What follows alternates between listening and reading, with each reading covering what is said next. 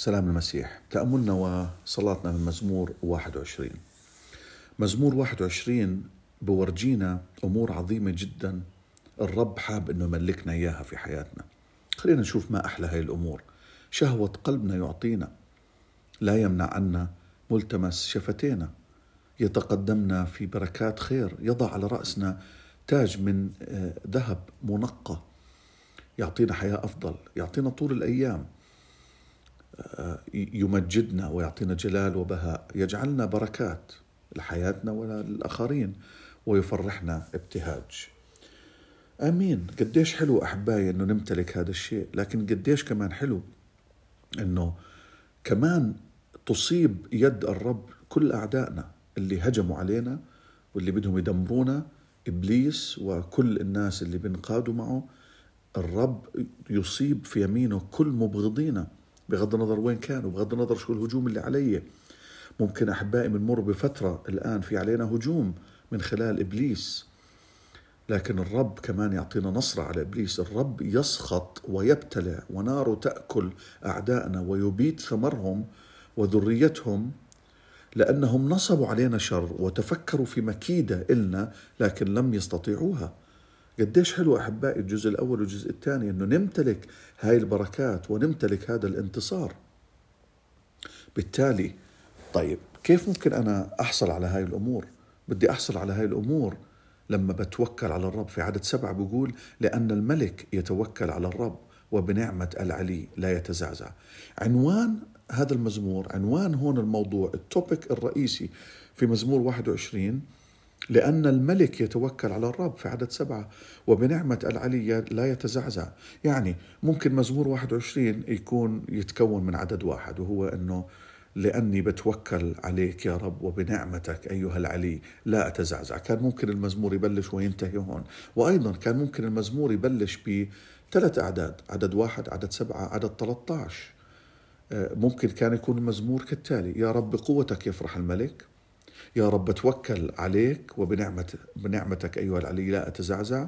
وآخر عدد يا رب ارتفع بقوتك نرنم بجبروتك. كان ممكن أنه المزمور هذا يكون فقط ثلاث أعداد بدل من 13 لكن الرب بده يورجينا إنه مش بس الثلاث أعداد هدول لكن في أمور رائعة الرب هو هو اللي حاب هو اللي حاب. الرب إنه يملكنا إياها.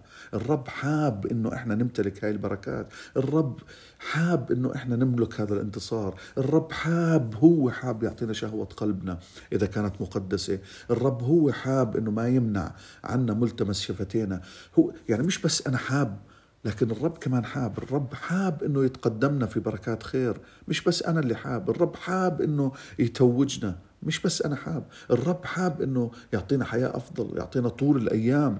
حاب أنه الرب ينقذنا ويمجدنا يعطينا جلال وبهاء يجعلنا بركات ويفرحنا ابتهاج. هو كمان بده مش بس إحنا بدنا هو كمان بده يده تصيب كل أعدائه. لكن كيف هذا الحكي كله بده يصير؟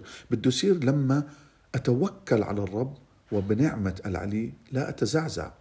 وعدد 13 بيقول ارتفع يا رب بقوتك نرنم ونغني بجبروتك. تذكرت كمان مزمور 13 عدد خمسة وعدد ستة.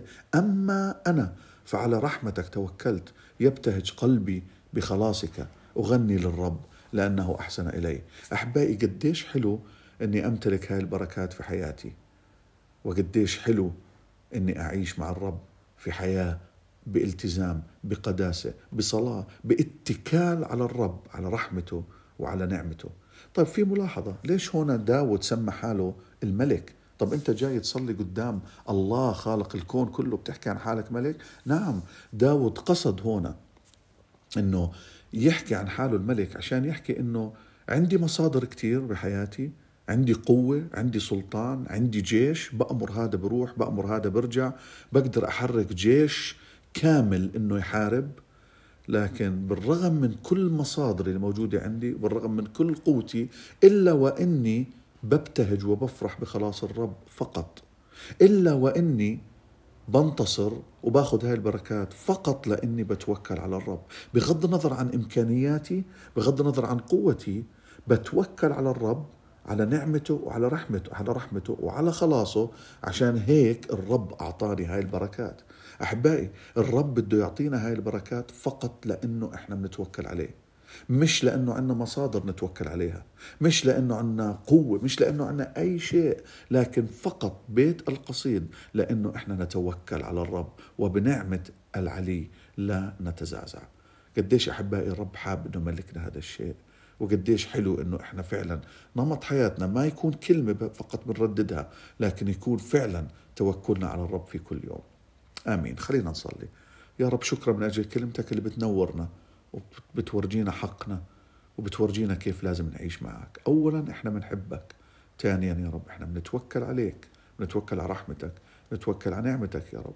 في هذا اليوم يا رب أعطينا هاي البركات اللي قرأناها. ما انكتبت صدفة. ما انكتبت عشان هيك بس نقرأها.